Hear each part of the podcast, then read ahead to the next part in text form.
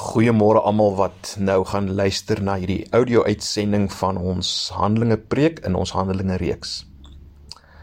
Kom ons bid net saam. Here, baie dankie vir nog 'n geleentheid waarin ons kan besig wees met hierdie wonderlike boek Handelinge waarin ons sien hoe U U werk voortsit in en deur die kerk. Wil U ook in hierdie oggend vir ons uh, weer eens nuwe perspektief gee op die kerk en ons roeping in die kerk en u teenwoordigheid in die kerk. Asseblief, ons vra dit in Jesus se naam. Amen. Ons gaan volgende kyk na Handelinge 6, maar ek gaan nie nou onmiddellik die gedeelte lees nie. Ons sal dit eh, nou net lees, maar miskien kan jy solank jou Bybel byderhand kry. Ek wil begin met die vraag: Is die Satan 'n gevaar vir die kerk? 'n Gevaar vir ons as plaaslike gemeente? Nou ek dink daar's twee ekstreme antwoorde wat op hierdie vraag gegee kan word. Aan die een kant kan jy sê wel ek is gered, ek is deel van die kerk. Jesus het gesê niks niks sal die kerk omver kan gooi nie. So ag, ek hoef nie eers te dink aan die aan die duiwel, die Satan en sy aanvalle nie. Dit speel eintlik geen rol nie. Uh die Here is net totaal in beheer. Dis die een ekstreem.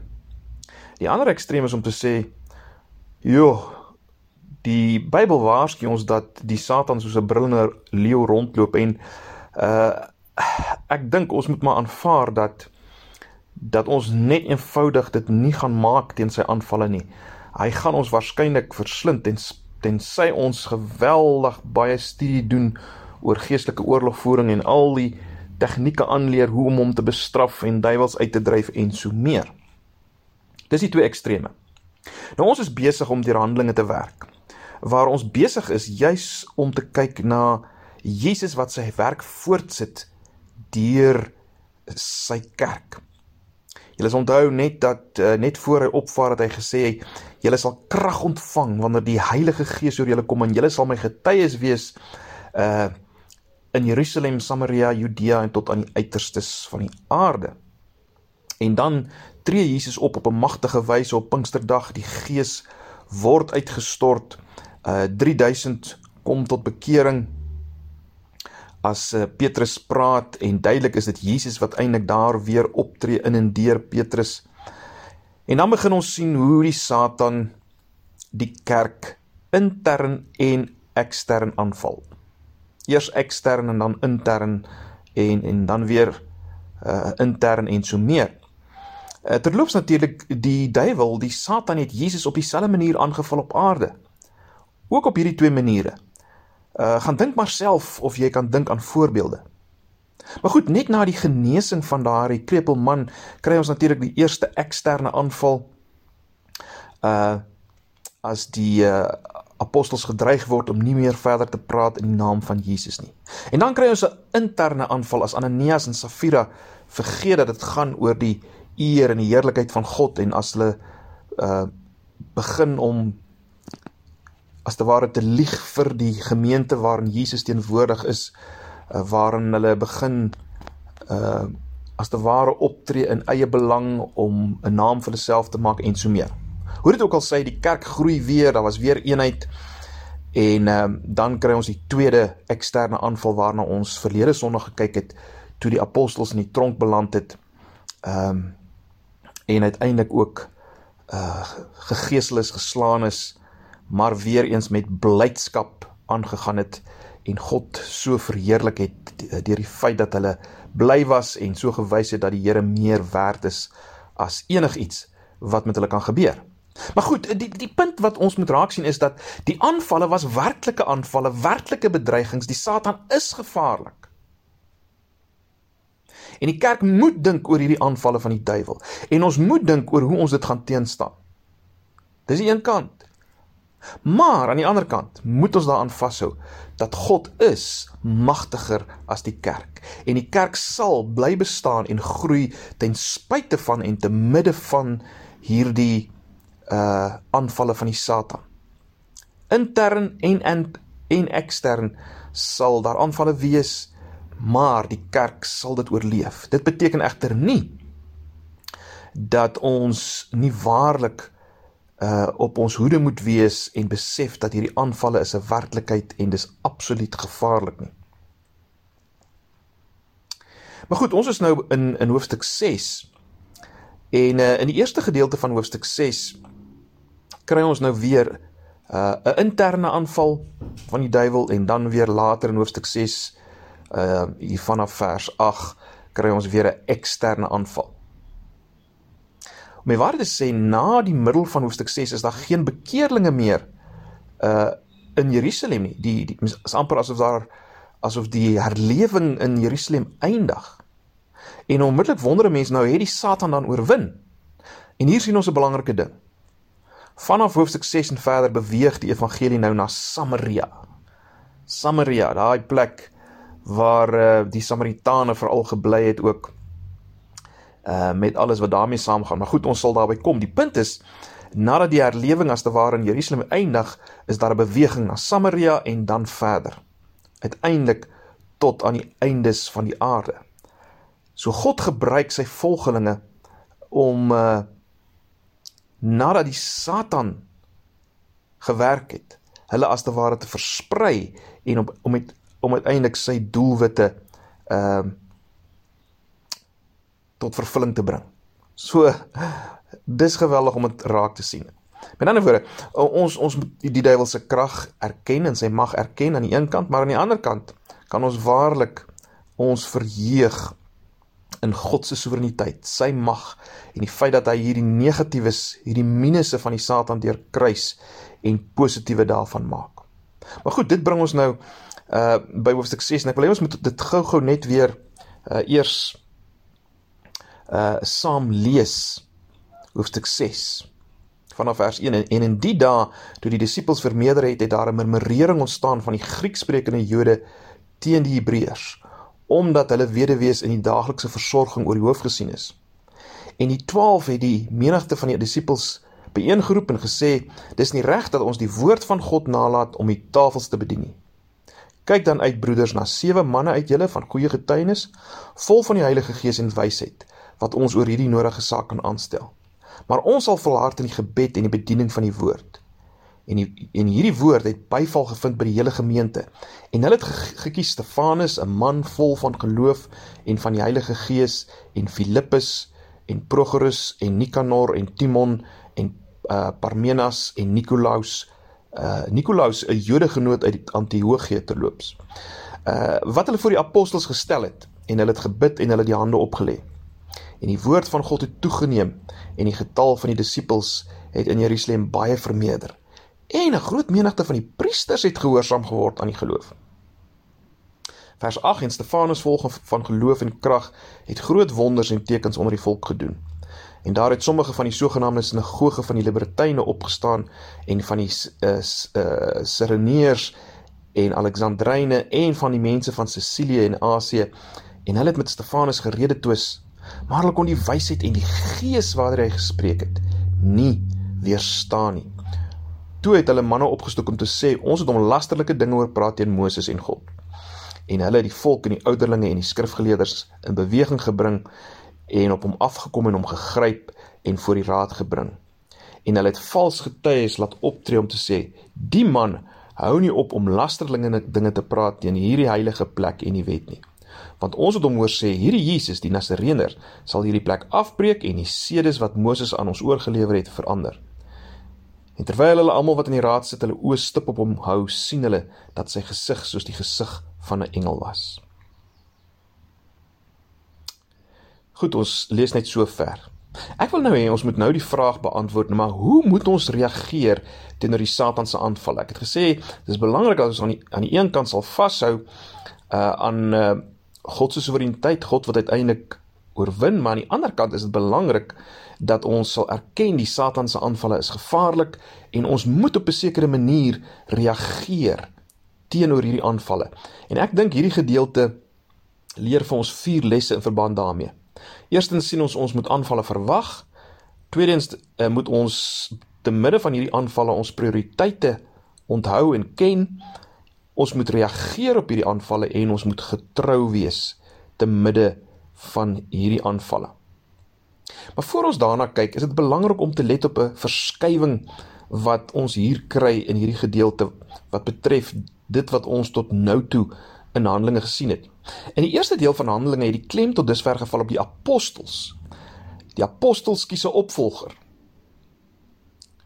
Uh en uh hulle getuig en hulle doen tekens en wonders en hulle word vervolg. Met ander woorde, hulle neem die besluite in die kerk. Hulle is die groot getuies op die oomblik of tot op hierdie punt. Hulle doen die tekens en die wonders en hulle word vervolg. Maar nou kry ons 'n verskywing na die gemeente. Die gemeente gaan nou besluite begin neem. Die gemeente gaan begin tekens en wonders doen onder hulle deur gewone mense van die gemeente. Uh die Jakas en hulle hierdie gewone mense soos gesien in Stefanus gaan vervolg word. En nog 'n verskywing is die feit dat tot hiertoe het die godsdienstige leiers van die volk opgetree teenoor die apostels. Nou word gewone mense uh opgehits teen die gemeente en hulle begin die gemeente vervolg. Maar goed, kom ons begin met die feit dat ons moet aanvalle en uitdagings verwag. Ons kry dit in die eerste 7 verse. Dis interessant in vers 2 lees ons dat daar 'n murmurering ontstaan het. Uh nou dis interessant. Die woord wat hier in vers 2 gebruik word is dieselfde woord wat ons vind in die Griekse vertaling van die Ou Testament waar ons uh, die murmurering van die volk teen Moses in die woestyn kry. Dis dieselfde Griekse woord wat gebruik word en ek dink nogal Lukas gebruik dit nie toevallig nie. So daar het 'n murmurering ontstaan teenoor die apostels. Want jy sien ewe skielik was hier nou verskille. Hier was kulturele en linguistiese verskille. Want hier was die sogenaamde Hebreërs in die gemeente in Jerusalem eh, wat Aramees uh, Aramees gepraat het altans.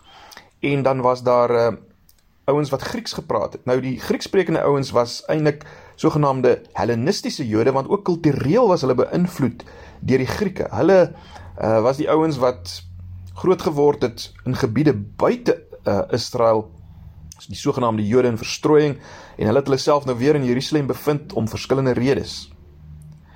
En uh, dit het veroorsaak dat daar 'n bietjie spanning gekom het. Daar was nou taal en kultuurverskille. Let op, taal en uh, taal en kultuurverskille het van die begin af in die kerk uh bestaan. En dan was daar 'n 'n probleem die die weduwees van die uh, die die Griekse weduwees, hulle is volgens die uh hierdie Griekssprekende Jode oorgeslaan. Met ander woorde, hulle is uh, daar's nie soveel aandag aan hulle gegee nie. Nou, dit mag bloot wees omdat die getalle toegeneem het, maar nog steeds was dit natuurlik nie reg nie, want God was van die begin af besorg oor weduwees. Hy is besorg daaroor. Hoe dit ook al sê, hier's nou ewe skielik spanning tussen hierdie mense, hierdie gemeente wat wat aan die begin een van hart en een van siel was en eendragtig saam was. Jy sien dis die duiwel wat die eenheid wil verbreek. Hy hou daarvan om eenheid te verbreek. Hy hou daarvan as daar mededingende kliks ontstaan in 'n gemeente. Dis baie maklik natuurlik veral in 'n gemeente waar daar taal en kultuurverskille is, maar selfs waar almal dieselfde taal en kultuur praat, is daar hierdie uh geneigtheid tot verbreeking van eenheid. Juis in die plek, die kerk waar ons 'n eenheid te midde van diversiteit moet toon. Ehm uh, daar's natuurlik baie voorbeelde in ons eie tyd. Uh, dinge wat ons verdeel. Ag, uh, dinge soos musiek, die musiekstyl, die taal van liedere, kleredrag, teologiese verskille oor randsake. En nou in ons tyd uh in hierdie pandemie is dit nog die hele ou saak rondom die dra van maskers en so meer. Die duiwel is baie gelukkig as daar 'n uh, oneenigheid is hieroor. So dis die interne aanvalle. Ekstern is was daar ook 'n aanval gewees en dit kry ons vanaf vers 9 tot 14. Uh as Stefanus wat natuurlik Griekssprekend was ook uh aangeval word deur die ander Griekssprekendes vanuit verskillende dele en interessant om te kyk na hierdie gebiede. Uh net een van die gebiede wat mens opval is is Sicilië en dit is natuurlik uh die plek waaruit Paulus kom. Hy kom uit Tarsus in Sicilië. Uh so heel waarskynlik was hy deel van hierdie ouens wat geredeneer het met Stefanus en natuurlik sou Paulus dit vir Lukas vertel het. Maar ons sien hier hier dat niemand kon kompeteer met sy wysheid nie. Die gees van wysheid wat hy gehad het. En dit herinner mense natuurlik dadelik weer aan Jesus. Net soos die ouens nie met Jesus kon argumenteer nie. Maar ons sien hier spesifiek dat gewone mense teen Stefanus opgesteek is, nê? Nee, soos ons nou uh, uh, of uh, opgestook is, soos ons nou alreeds na verwys het. En vanaf hierdie punt is daar ook natuurlik geen massa bekerings meer nie. Om waarheid te sê, ons sien nie dat enige iemand deur Stefanus tot bekering gekom het. Hy is uiteindelik vermoor en ons weet Paulus is later vermoor. En hulle het vals teen hom opgetree. Hulle het hom beskuldig dat hy dinge sê teen die tempel en die wet. Nou ons sal volgende uh, Sondag spesifiek kyk hoe hulle hom uh, misvoorgestel het en misgeïnterpreteer het in die uh, volgende gedeelte daai toespraak van Stefanus. Baie belangrik, Stefanus probeer eenvoudig hier uitreik na hierdie ouens en hy word word aangeval deur deur hierdie ouens. Mense wat hy liefhet, uh probeer hom doodmaak. Uiteindelik word daar gereël om te stenig. Almal word in hom opgestook. Maar ons moenie verbaas wees hieroor nie. Ons moet ook nie verbaas wees as die wat ons liefhet en die wie ons bedien teen ons sou opstaan nie. Want dit het gebeur met Jesus, dit het gebeur met Petrus, dit gebeur hier met Stefanus en net wel hulle het sy woorde uh as te ware verdraai. Hulle het sy eie woorde teen hom gebruik en so sal ons eie woorde ook teen ons gebruik word. So die Satan val aan, intern en ekstern. Dit bring ons by 'n tweede punt wat belangrik is en dit is die feit dat ons ons prioriteite moet ken en behou in 'n tyd van aanval. Die apostels het geweet dat die belangrikste vir hulle was om besig te bly met die woord en met die gebede. Die mense sou natuurlik graag wou gehad het die apostels moes nou iets, iets prakties doen en optree teenoor hierdie hele saak van van die weduwees wat oorgesien word, die Griekssprekende weduwees en so meer. Maar hulle het geweet, hulle prioriteit is om te bid en die woord te bedien sodat die gemeente kon vreugde hê in Christus. Hulle het hulle fokus bou. En net so moet ons seker maak dat die kerk ons gemeente ons fokus bou. Jy sien, die kerk mag nie net 'n weduwee versorgingseenheid word nie. Nee, die kerk is die plek waar die woord in die eerste plek verkondig moet word. En uh, hierdie ander dinge moet daaruit voortvloei. Ook interessant dan om te let in vers 7 dat die woord van God het versprei. Toe hierdie prioriteite geëer is, het die woord van God versprei en selfs priesters, let wel, het nou tot bekering gekom. Juis omdat die fokus behou is. En ons moet tog asseblief probeer om dieselfde te doen. Waar ons ons ook al mag bevind en in watter gemeente jy ook nog jouself mag bevind. Onthou daar's altyd ander behoeftes in die kerk wat ook vervul moet word. Uh en die wêreld druk baie keer die kerk om as organisasie betrokke betrokke te raak in baie ander dinge. Maar ons eerste prioriteit is die woord en gebed. Ons moet die vreugde van Christus en in Christus versprei. En dit is waar uh, dis waarvoor leiers in die kerk bestaan. Dis die werk van die leiers in die kerk om om hulle self besig te hou met die woord en gebede. Hulle is nie besigheidsmense nie. Hulle is nie uh die CEOs van die kerk nie. Nee, hulle moet hulle toespits op die woord en die gebede. Maar dan is dit belangrik dat ons sal reageer teenoor aanvalle in die kerk. Hoe? Eerstens intern. En ons sien hier dat hier die eerste gemeente het reageer teenoor die aanvalle van die kerk sonder om hulle prioriteite van die woord en die gebede af te skeep en die liggaam word nou gebruik om die liggaam te bedien. Baie belangrik. Kyk watter tipe ouens is gesoek om die werk te doen. Nie die ouens met baie goeie organisatoriese vermoëns of selfs ouens met 'n hart vir weduwees nie. Nee nee. Daar's 'n soek na mense wat die gees het. Wat die gees het wat die werk kan doen soos Jesus dit gedoen het onder die krag van die Gees. Hulle, hulle is gekies vir hierdie werk van die versorging van die weduwees. En uiteindelik word sewe gekies. Let wel ook interessant, al sewe het hulle Hellenistiese Griekse name.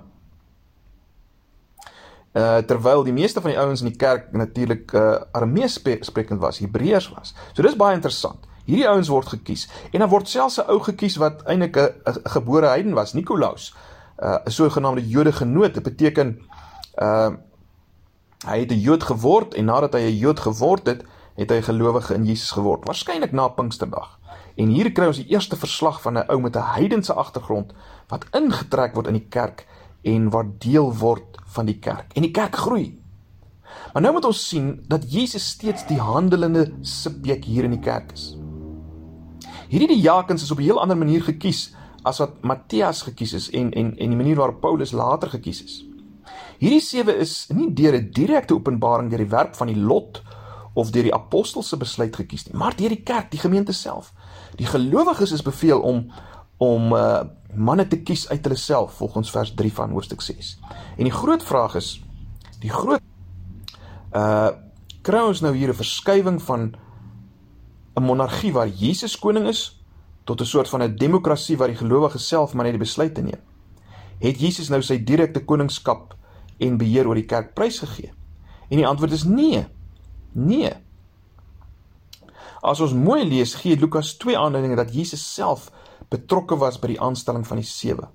Al was die onderskeiding en beslissing van die hele gemeente ook hier ter sprake.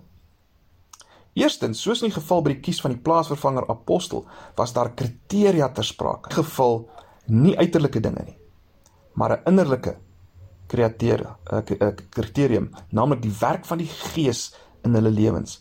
Hulle moes vol wees van die Heilige Gees en wysheid, volgens vers 3. Hierdie kwaliteite het hulle apart geplaas van die res van die kerk. Ja, alle Christene het die Heilige Gees, maar die frase vol van die Heilige Gees dui op 'n uitstaande geestelike volwassenheid en goddelike wysheid by hierdie ouens. Met ander woorde, die kerk se keuse was slegs 'n reaksie op die teenwoordigheid van die Heilige Gees in hierdie manne. 'n Erkenning van die werk van God in hulle.